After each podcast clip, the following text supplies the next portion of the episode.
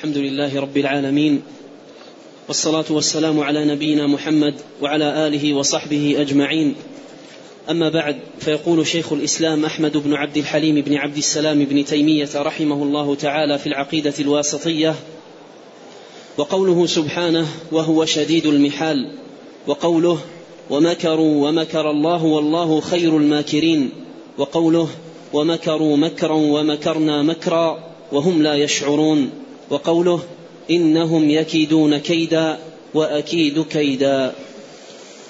الحمد لله رب العالمين وأشهد أن لا إله إلا الله وحده لا شريك له وأشهد أن محمدا عبده ورسوله صلى الله وسلم وبارك عليه وعلى آله وأصحابه أجمعين.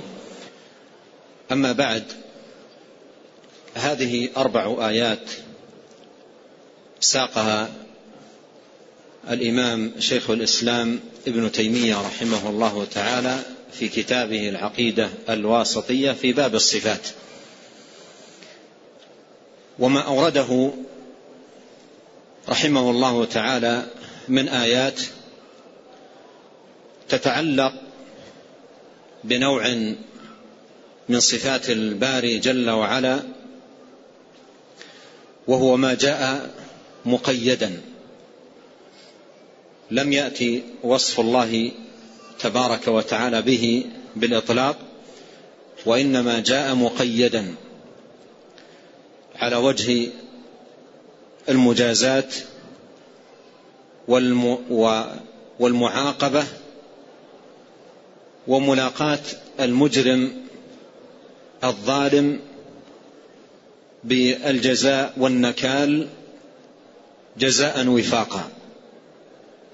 فهو وصف مقيد. وقاعدة أهل السنة رحمهم الله تعالى في باب الصفات قاعدة عظيمة جدا ومتينة للغاية. وإذا ضبطها طالب العلم تحقق له الاعتقاد الصحيح وسلم بإذن الله تبارك وتعالى من الزلل. وهي قولهم في صفات الله وفي آيات الصفات أمروها كما جاءت. أمروها كما جاءت بلا كيف. فالقاعدة أن صفات الله تبارك وتعالى تمر كما جاءت ويؤمن بها كما وردت. فمن الخطأ أن يقصر الإنسان عن الوارد إما بجحد أو تكذيب أو شك أو عدم إيمان. ومن الخطأ أيضا أن يزيد المسلم عن حد الوارد بإثبات شيء لا دليل عليه أو زيادة لا دليل عليها فهذا خطأ وذاك خطأ والحق قوام بين ذلك.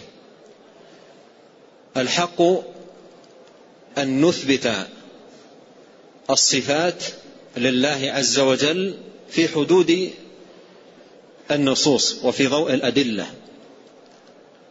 ونكون وقافين مع أدلة الشرع كلام الله وكلام رسوله صلوات الله وسلامه عليه.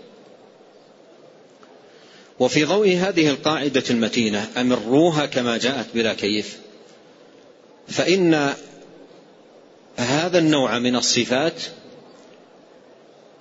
لم يجيء ولم يأتي مطلقا. فليس في نصوص الشرع وصف لله بالمكر هكذا على الإطلاق والكيد هكذا على الإطلاق. والاستهزاء هكذا على الإطلاق والخديعة هكذا على الإطلاق. وإنما الذي جاء في النصوص من ذلك جاء على وجه التقييد. يخادعون الله وهو خادعهم. الله يستهزئ بهم ويمكرون ويمكر الله. إنهم يكيدون كيدا وأكيد كيدا. وهكذا. فهذا النوع جاء مقيدا ولم يأتي على وجه الإطلاق. فإمراره كما جاء أن يؤمن به مقيدا كما جاء. فلا يصح أن يقال هكذا على وجه الإطلاق من صفات الله المكر ومن صفات الله الكيد ومن صفات الله الاستهزاء ومن صفات الله السخرية. هذا لا يقال. ولا يصح أن يقال. فضلا عن أن يسمى الله سبحانه وتعالى بأسماء تلك الصفات. كان يقال من أسمائه عياذا بالله من هذا القول المستهزئ والساخر والماكر ونحو ذلك. فهذا باطل ولا يجوز. وإنما يثبت له جل شأنه سبحانه وتعالى وتقدس عز وجل يثبت له في حدود الأدلة وفي ضوء النصوص. وما كان من هذا القبيل مقيدا يؤمن به كما جاء ويثبت كما ورد دون زيادة ودون نقصان. النقصان هنا بأن يجحد الإنسان هذا الذي ورد. فلا يؤمن به. وهذا لا يجوز وباطل. والزيادة أن يثبت الإنسان لله عز وجل هذا الوصف على الإطلاق. أو يثبت له أسماء تلك الأوصاف فهذا أيضا باطل. ولا يجوز. فإذا قاعدة أهل السنة رحمهم الله التي اتفقوا عليها ومضوا على تقريرها وإثباتها والسير في ضوئها أمروها كما جاءت. وهذا النوع جاء مقيدا فيؤمن به مقيدا كما جاء. وما أورده آه، رحمه الله تعالى هنا هو ذكر بعض الأمثلة. لأن هذا المتن المختصر ليس الغرض منه الاستيعاب. ليس الغرض منه الاستيعاب ولهذا لا يصلح أن يأتي أحد ويستدرك ويقول فاته كذا أو لم يذكر كذا. لأن هذا شأنه كشأن المتون المختصرة التي يكتفى فيها بذكر بعض الأمثلة التي ترشد إلى غيرها وتدل على ما سواها. فذكر رحمه الله تعالى بعض الأمثلة من هذا النوع. أعني ما يثبت مقيدا. ما, ما يثبت لله سبحانه وتعالى مقيدا. فيقال في هذا النوع من الصفات إن الله يمكر بالماكرين يكيد للكائدين يسخر بالساخرين سخر الله منهم يستهزئ بالمستهزئين الله يستهزئ بهم ونحو ذلك. يخادعون الله وهو خادعهم. يخادعون الله وهو خادعهم. وما كان من هذا القبيل ما كان من هذه الصفات من هذا القبيل هو يعد من باب الكمال. لأن المكر والكيد والاستهزاء ونحو هذه الصفات هي في الحقيقة على نوعين. نوع محمود ونوع مذموم. نوع محمود ونوع مذموم. والنوع المحمود هو ما كان من هذه الأعمال على وجه المجازات للمعادي للظالم للباغي. فهي تحمد في مثل هذه الحال. الخدعة والخديعة والمخادعة لا تجوز لكن مع الأعداء قال عليه الصلاة والسلام الحرب خدعة. فهي في هذا المقام جائزة ولا تعد وصفا دميما. وإذا خدع المسلم الكافر المعادي الشرس المقاتل الباغي الظالم إذا خدعه المسلم أو مكر به خديئته له ومكره به لا تذم. لا تذم. بل تكون من أوصاف المدح. ومما يروى في هذا الباب في كتب السير والأخبار في غزوة أحد آه، آه، بل في غزوة الأحزاب في غزوة الأحزاب لما جاء الأحزاب وتقاطروا على المدينة للقضاء على الإسلام والمسلمين بجنود وأعداد كبيرة. وحفر المؤمنون خندقا. يقي المسلمين شر الأعداء من جهة الجهة المفتوحة في المدينة وهي جهة الشمال. فحفروا خندقا في الناحية الشمالية للمدينة.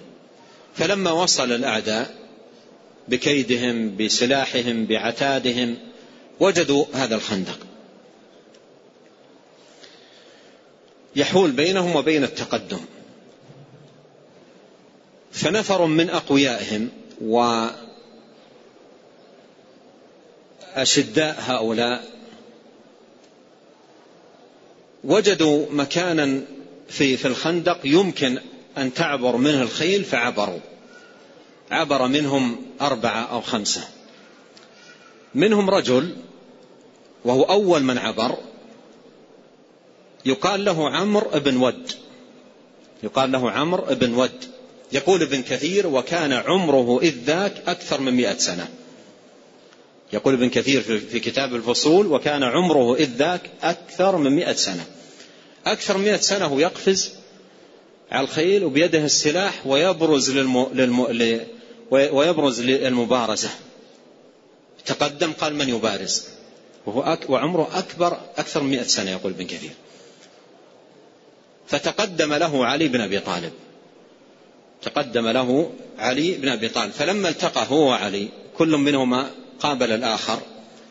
رفع علي صوته رضي الله عنه قال أنا تقدمت مبارزة واحد وليس اثنين.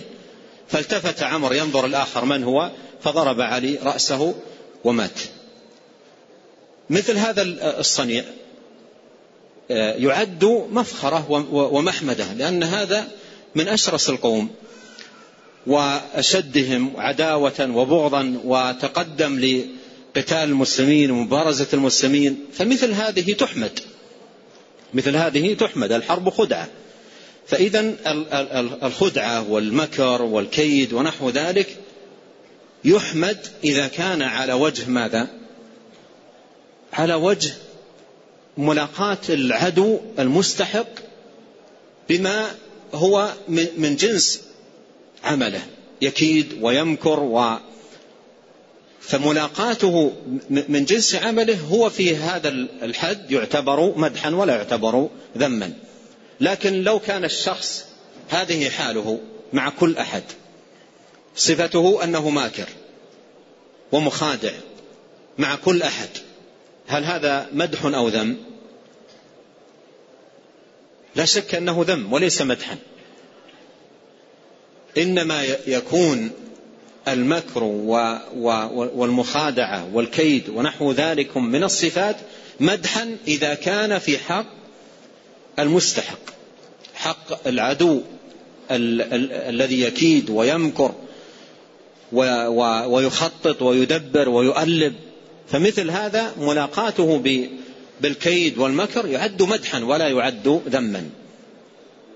إذا يجب أن ينتبه في هذا الباب لا يصح أن يوصف الله سبحانه وتعالى هكذا على وجه الإطلاق بالمكر والكيد والسخرية والاستهزاء. لا يجوز. وأيضا لا يجوز كما قدمت أن يسمى بأسماء تلك الأوصاف.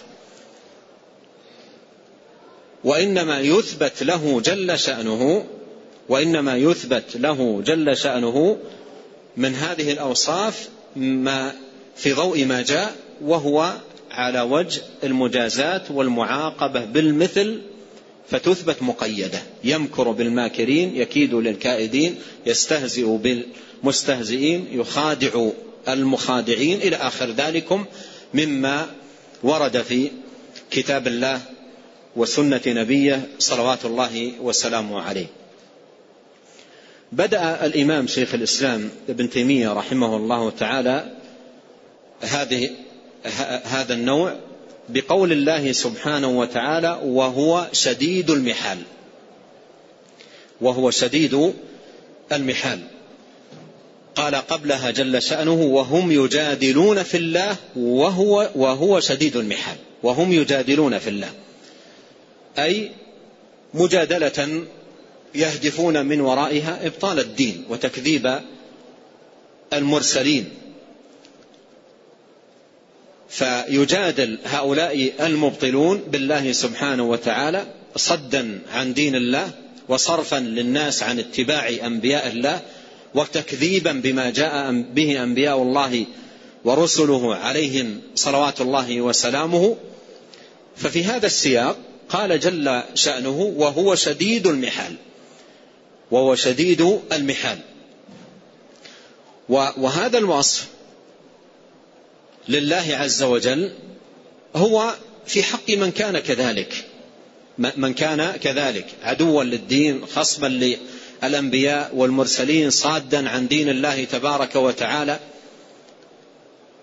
أما المؤمن المطيع العابد المقبل على الله سبحانه وتعالى فالله به رحيم.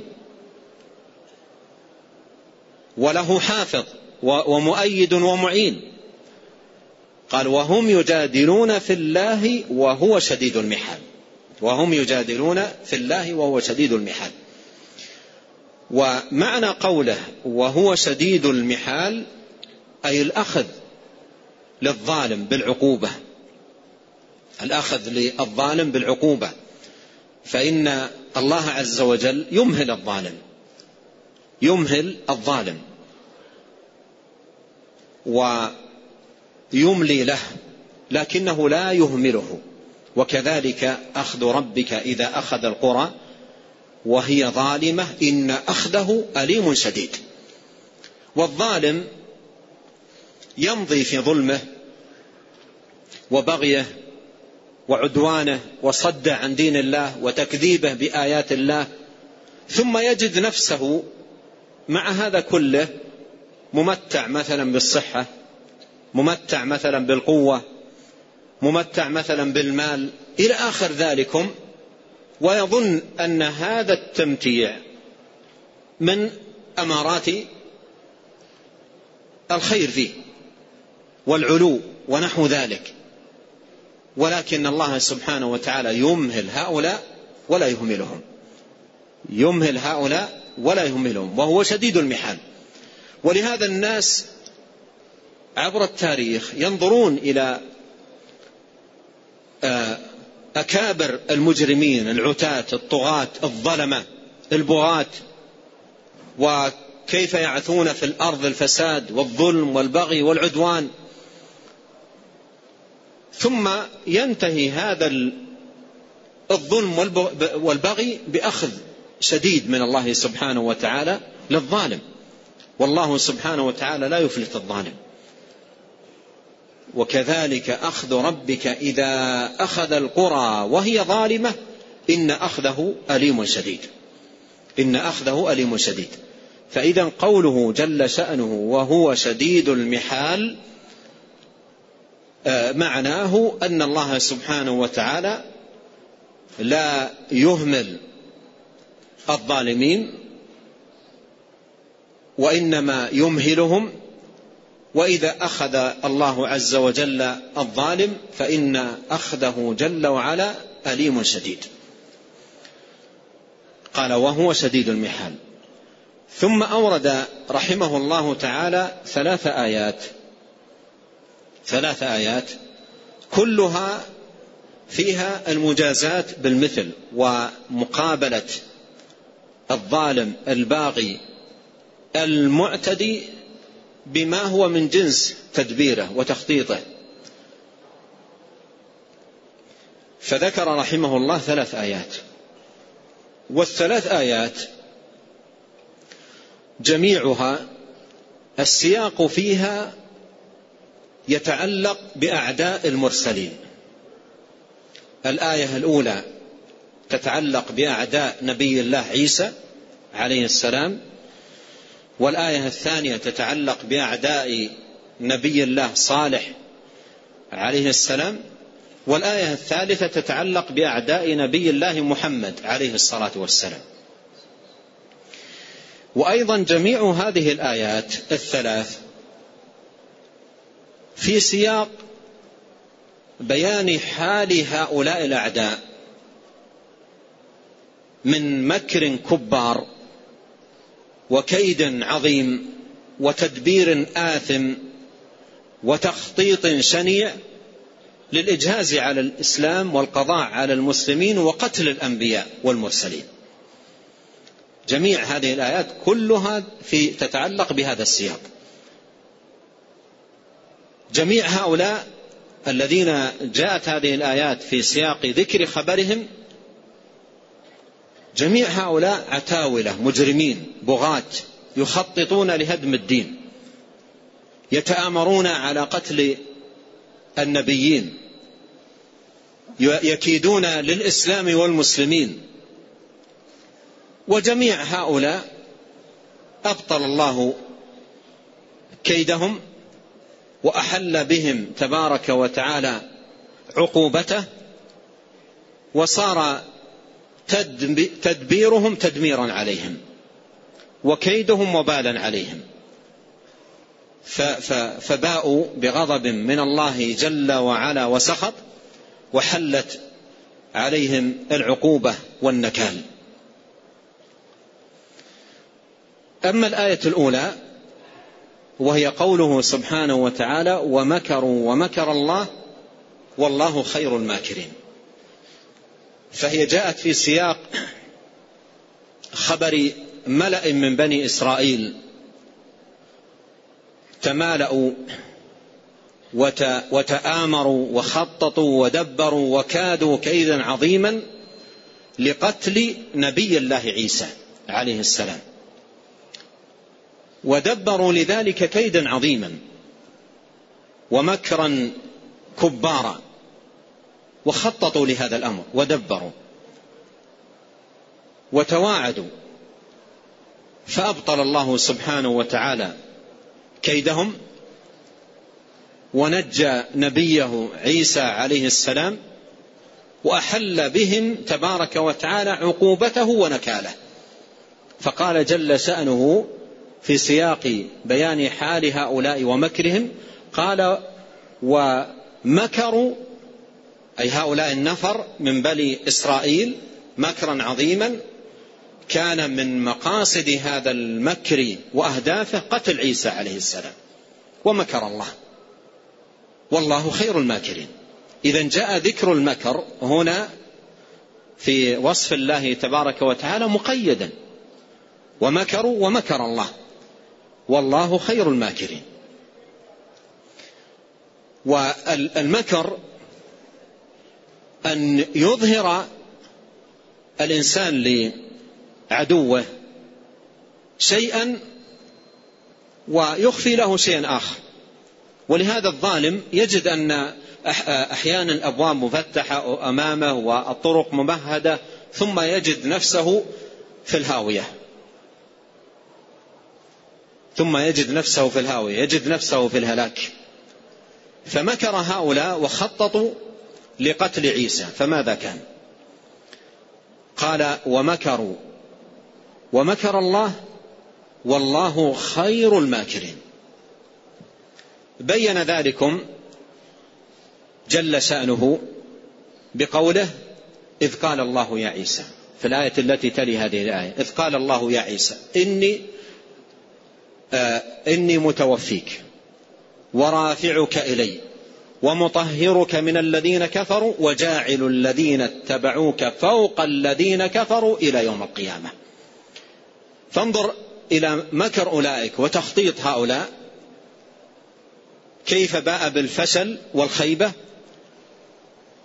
ورفع الله سبحانه وتعالى عيسى من البيت الذي كان فيه رفعه إلى السماء رفعه مكانا عليا رفعه الله إليه وطهره من الذين كفروا.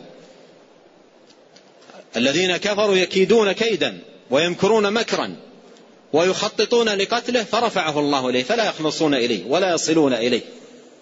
فباءوا بالخيبة ورجع مكرهم عليهم فألحق الله سبحانه وتعالى بهم عقوبته وأحل عليهم الخزي. وجاعل الذين اتبعوك فوق الذين كفروا إلى يوم القيامة. فلم يحصلوا شيئا من هذا المكر إلا الخيبة. ولما دخلوا البيت ألقى الله الشبه على رجل في البيت فقتلوه وظانين أنه عيسى. فباءوا بهذه الجريمة النكراء. قتلوا رجلا بنية أنهم قتلوا عيسى عليه السلام.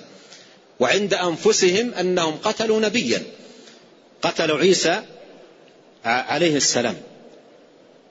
عند أنفسهم أنهم قتلوه. ولكن الله ألقى الشبه وهذا أيضا من مكر الله سبحانه وتعالى بهم.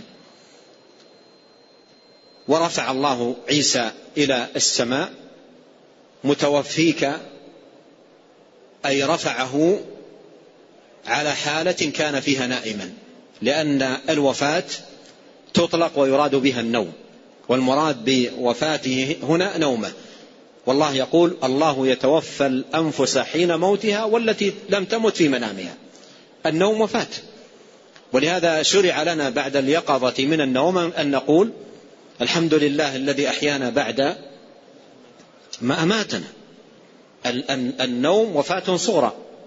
النوم وفاة صغرى. فالله عز وجل توفاه نام عليه السلام ورفعه الله سبحانه وتعالى إليه.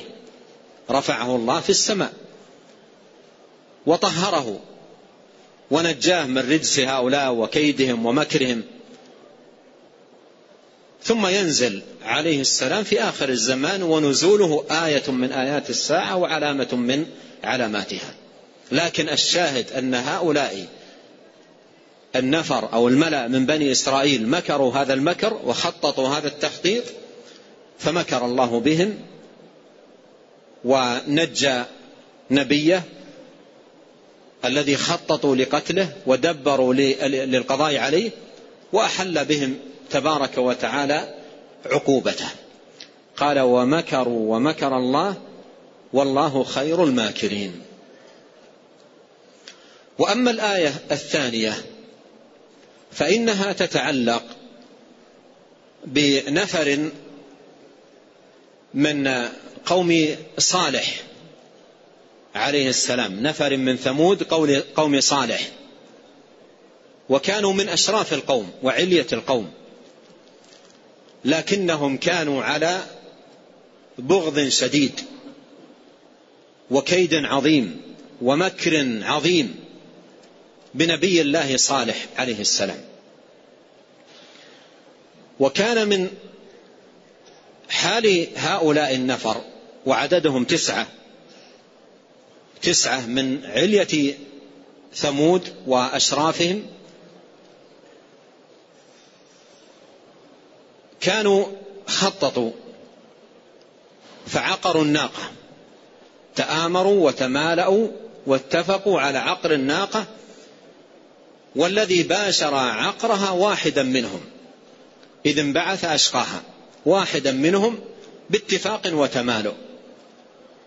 باتفاق وتمالؤ من هؤلاء فانبعث واحدا من هؤلاء وهو أشقى هؤلاء. وهو أشقى هؤلاء رجل من هؤلاء التسعة وكان أشقى هؤلاء التسعة وقد صح في الحديث أن نبينا عليه الصلاة والسلام قال أشقى الأولين عاقر الناقة. أشقى الأولين عاقر الناقة. وأشقى الآخرين من يطعنك يا علي. من يطعنك يا علي. يعني علي بن أبي طالب رضي الله عنه وأرضاه. فأشقى الأولين عاقر الناقة وأشقى الآخرين من يطعن علي والذي طعن علي عبد الرحمن بن ملجم رأس من رؤوس الخوارج. في قصة معروفة. وقصته عجب ولا, ولا مجال للدخول فيها. فقال وأشقى الآخرين الذي يطعنك يا علي. وكان عبد الرحمن بن ملجم هو طاعن علي. فلما عقروا الناقة باتفاق من هؤلاء باتفاق من هؤلاء وتمالؤ وكان الذي باشر ذلك واحدا منهم لما علم صالح عليه السلام بذلك أمهلهم ثلاثة أيام. أمهلهم ثلاثة أيام في بيوتهم وقال إن العقوبة ستحل. فاتفق هؤلاء التسعة وخططوا ودبروا لقتل صالح. وحلفوا بينهم وتقاسموا بينهم أن يأتوا إلى بيت صالح عليه السلام ليلا وأن يقتلوه وأهله. ثم إذا قيل اتفقوا أيضا إذا قيل من الذي قتله يقولون ما ندري ما شهدنا مهلك أهله. اتفقوا على ذلك وتآمروا على ذلك.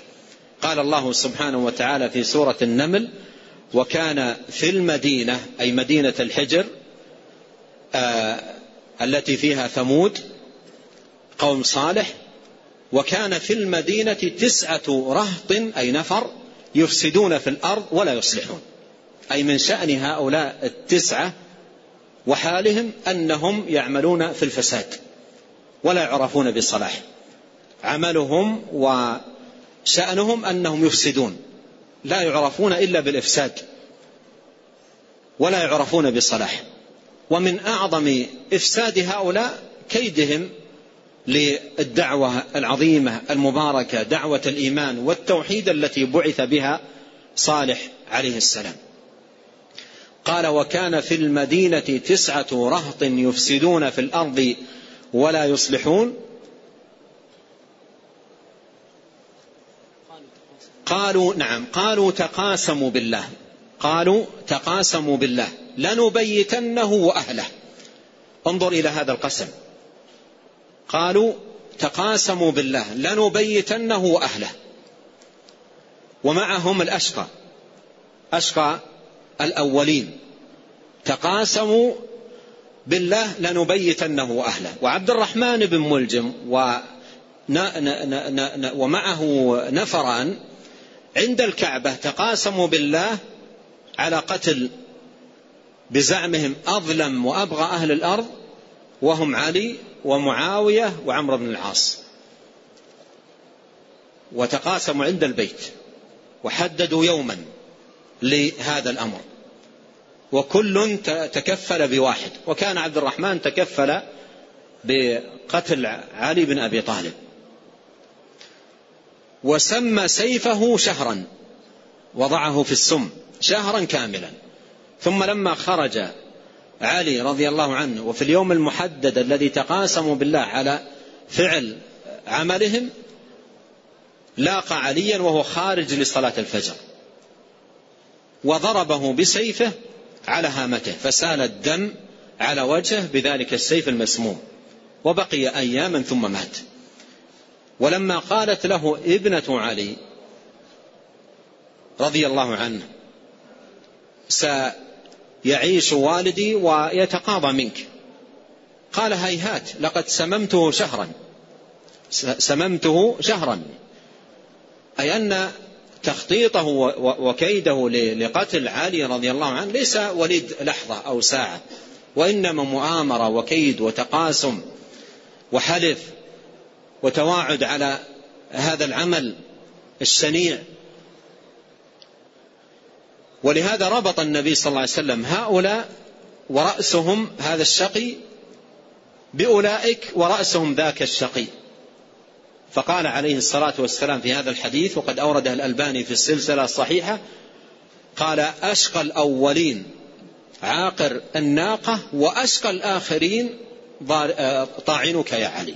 وأشقى الآخرين طاعنك يا علي. فانظر كيف ربط النبي صلى الله عليه وسلم بين هذا وأولئك للاشتراك في موجب الشقاء والهلاك عياذا بالله. قالوا تقاسموا بالله لنبيتنه وأهله. البيتوتة للعدو أن يأتيه ليلا على غرة وهو نائم على فراشه. فتقاسموا بالله لنبيتنه وأهله. أي نقتله ليلا وأهله ولا أحد يشعر بنا. ثم إذا تساءلوا الناس أو سألونا من باشر هذا العمل نقول ما ندري ما شهدنا هذا الأمر. فضلا عن نكون باشرناه. قالوا تقاسموا بالله لنبيتنه وأهله ثم لنقولن لوليه الذي يطلب بدمه ويسأل من قتله. ثم لنقولن لوليه ما شهدنا مهلك أهله وإنا لصادقون. أي نحلف لهم إذا سألوا وقالوا من أو هل أنتم؟ نقول لهم ما شهدنا الأمر أصلا ما رأيناه ما اطلعنا فضلا عن أن نكون نحن الذين باشرنا هذا الأمر. ما شهدنا مهلك أهله وإنا لصادقون؟ قال الله ومكروا مكرا ومكرنا مكرا. مكروا مكرا. المكر هو تدبير هذه المؤامرة لقتل نبي الله والمؤامرة الأولى لقتل نبي الله عيسى في الآية السابقة وهذه لقتل نبي الله صالح عليه السلام.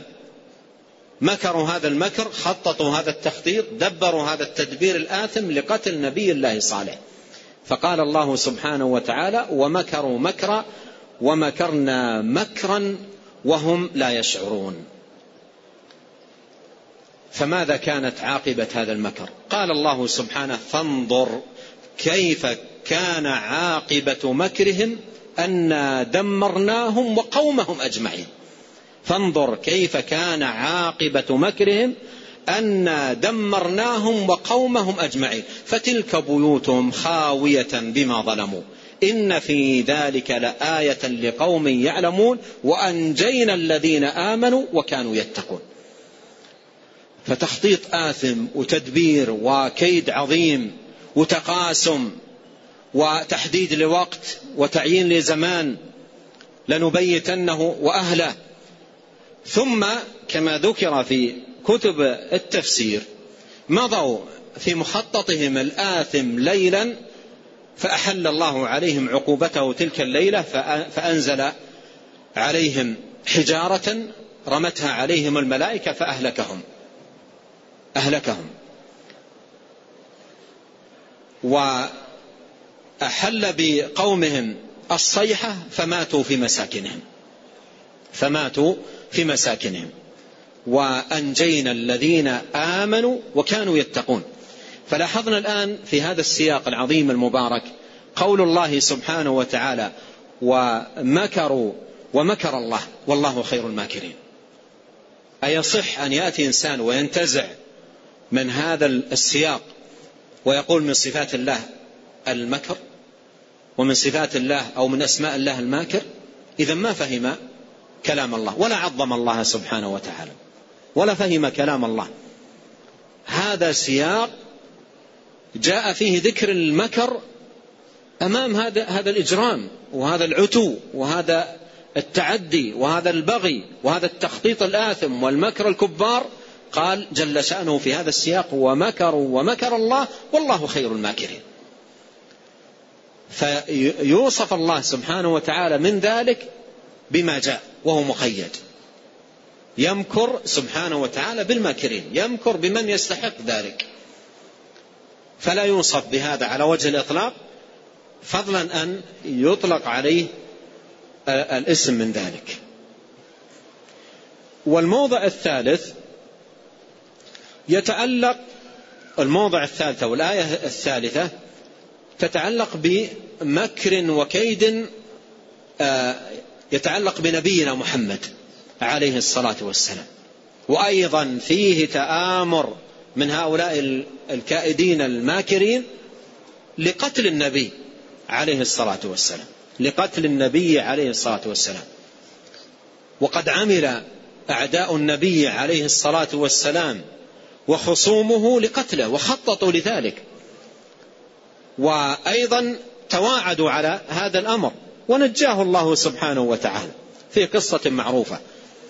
لما آه، خرج عليه الصلاة والسلام وهاجر إلى المدينة وترك عليا رضي الله عنه على فراشه.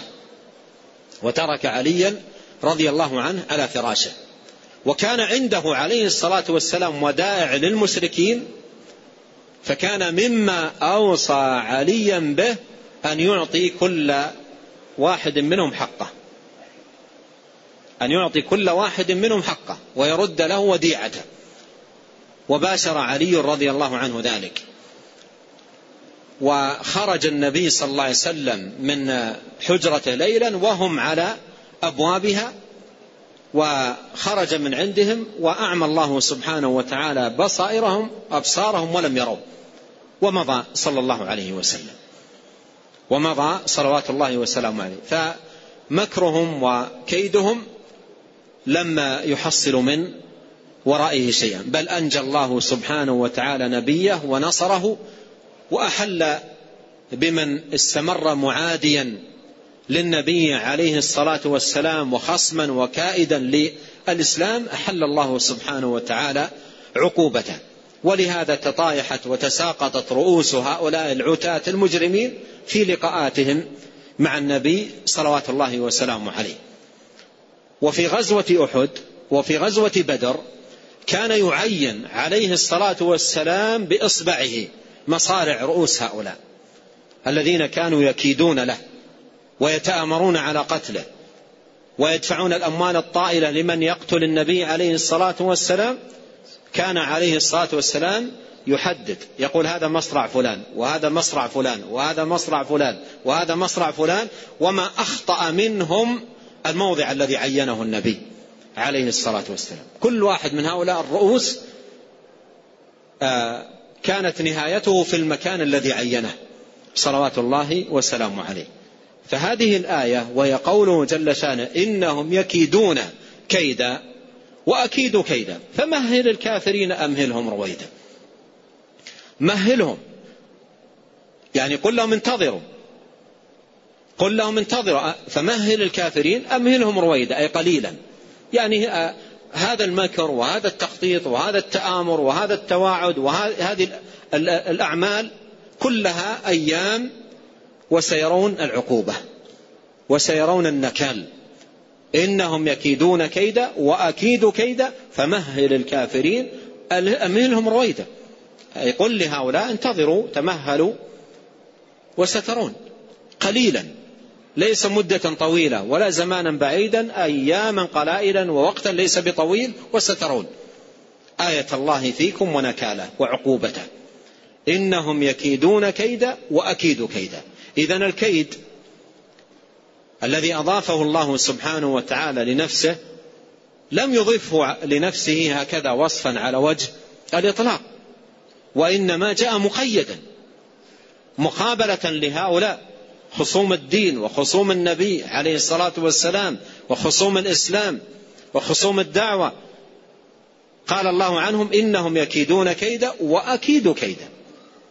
فإذا كيده سبحانه وتعالى ليس بكل أحد وإنما بهؤلاء بالمستحقين لذلك الذين يكيدون للإسلام والمسلمين ويعملون على القضاء على دين الله سبحانه وتعالى.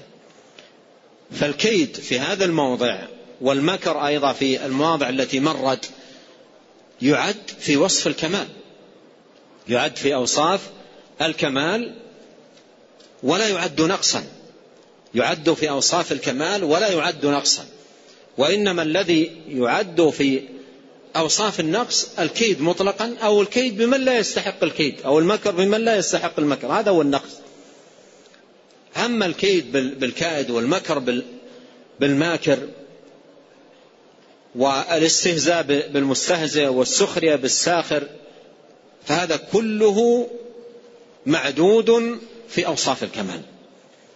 وأعيد ما بدأت به ألا وهو أن قاعدة أهل السنة والجماعة في هذا الباب العظيم أنهم يمرون الصفات كما جاءت. ومن مضى على هذه القاعدة سلم من آفات أهل الباطل وطرائق أهل الضلال. سلم من ممن يجحد وسلم ممن أيضا يزيد في, في, في الحد الذي جاءت به النصوص.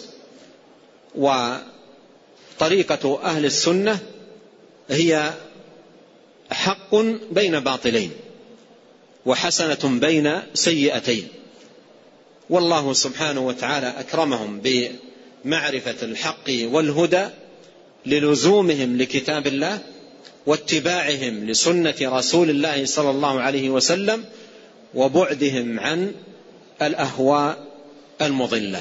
نسأل الله الكريم رب العرش العظيم أن يلحقنا جميعا بالصالحين من عباده وأن يرزقنا الفقه في الدين والبصيرة بشرع رب العالمين وحسن الاتباع لهدي نبينا الكريم صلى الله عليه وسلم وأن يعيذنا من البدع والأهواء ومن الفتن كلها ما ظهر منها وما بطن. إنه تبارك وتعالى سميع الدعاء وهو أهل الرجاء وهو حسبنا ونعم الوكيل. نعم. أحسن الله إليكم وبارك فيكم ونفعنا الله بما قلتم وغفر الله لنا ولكم وللمسلمين. يقول هذا السائل ما صحة قول اللهم اغفر لي وفقط فقط هذه منك ولا من السائل.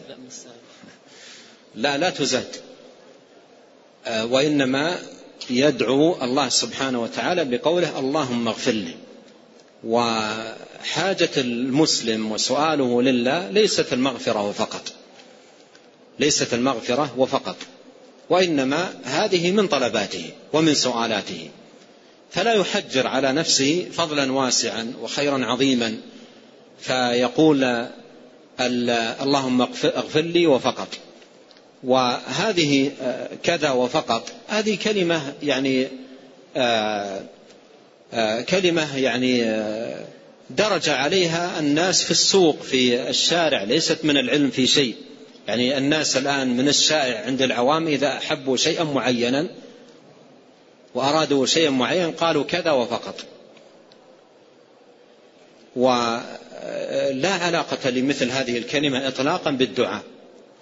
والدعوات فيها سؤال المغفرة وفيها سؤال الرحمة وفيها سؤال الهداية وفيها سؤال الجنة وفيها سؤال النجاة من النار وفيها سؤال خير الدنيا والآخرة. ليست المغفرة وفقط. نعم. أحسن الله إليكم. يقول هذا السائل هل يجوز التكلم في أسماء الله جل وعلا أو بأسماء الله وصفاته مع عامة الناس أم يكون ذاك الحديث معهم بشروط؟ آه، في, في, في, في الحديث أو في الآثار حدثوا الناس حدثوا الناس بما يعرفون. أتريدون أن يكذب الله ورسوله؟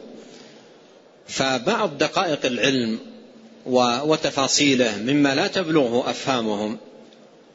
لا لا لا يحدثون به.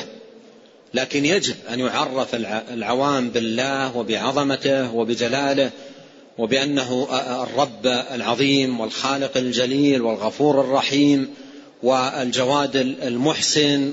يعرفون بالله وكل ما ازداد العوام معرفة بالله ازدادوا تعظيما لله سبحانه وتعالى. أما دقائق العلم وتفاصيله الدقيقة مما لا تبلغه أفواههم أفهامهم لا يحدثون به. نعم. أحسن الله إليكم. يقول ما معنى اسم الله عز وجل البارئ وما تقتضيه صفته؟ البارئ من أسماء الله سبحانه وتعالى الحسنى وهو ثابت في أواخر سورة الحشر هو الله هو الله الذي لا إله إلا هو هو الله آه الذي لا إله إلا هو الملك القدوس السلام المؤمن المهيمن العزيز الجبار المتكبر سبحان الله عما يشركون هو الله الخالق البارئ المصور. هو الله الخالق البارئ المصور. ذكر هذه جل وعلا الأسماء الثلاثة الخالق والبارئ والمصور. والبارئ والمصور مثل ما يقول ابن القيم كالتفصيل لمدلول اسمه الخالق. فالخلق هنا التقدير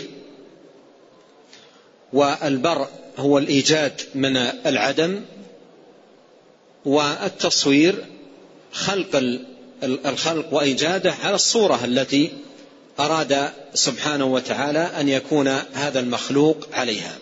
فهو خلق ثم برء ثم ثم تصوير. نعم. أحسن الله إليكم. يسأل هل تثبت صفة الانتقام وهل هي من هذا الباب؟ الانتقام جاء أيضا على وجه التقييد. قال الله سبحانه وتعالى إنا من المجرمين منتقمون. فيثبت هكذا كما جاء.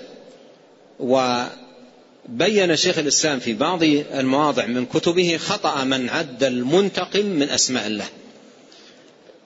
من عد المنتقم من أسماء الله. وبين أن هذا الاسم جاء مقيدا ولم, يجي ولم يأتي على وجه الإطلاق. نعم. يسأل عن معنى قوله تعالى وما رميت إذ رميت ولكن الله رمى في الآية أثبت رميا ونفى رميا. في الآية أثبت رميا ونفى رميا. قال وما رميت هذا نفي. إذ رميت هذا إثبات. فأثبت للنبي عليه الصلاة والسلام رميا ونفى أيضا عنه رميا. والقاعدة عند أهل العلم في مثل هذا النوع أنه إذا أثبت الشيء ونفي فالمثبت غير المنفي. المثبت غير المنفي. فالمثبت من الرمي للنبي عليه الصلاة والسلام هو أخذ التراب ورميه في وجوه الأعداء. هذا فعله عليه الصلاة والسلام. أما كون كل مشرك أصابته من هذه الحصيات وأصيب بها وأنها سددت وأصابت كل مشرك هذا من الله. فقوله وما رميت أي ما كان من إصابة وتسديد لرميك هذا ليس منك من الله. إذ رميت يعني إذ باشرت بنفسك رمي المشركين بالتراب وبالحصيات فالتسديد من الله وفعل الرمي من النبي عليه الصلاة والسلام. نعم. أحسن الله إليكم. هل يصح نسبة الخيانة لله جل وعلا؟ لا يصح وليست من هذا القبيل. يعني الخيانة مذمومة في كل أحوالها. الخيانة مذمومة في كل أحوالها. ليست من قبيل المكر والكيد والاستهزاء والسخرية ونحو ذلك. ليست من هذا القبيل. ليست من هذا القبيل.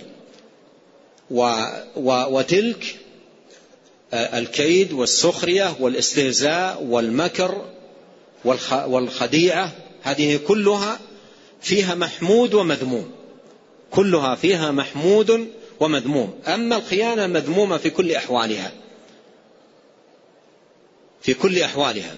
ولهذا في الأقسام فيما مر وهو الكيد والمكر لما ذكره الله سبحانه وتعالى عن الكافرين ذكر عقوبته لهم بالمثل. قال مكروا ومكر الله.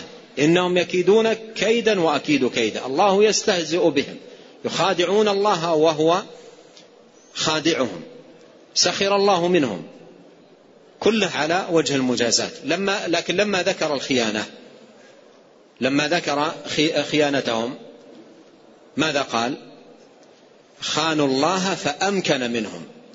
قال خانوا الله فأمكن منهم.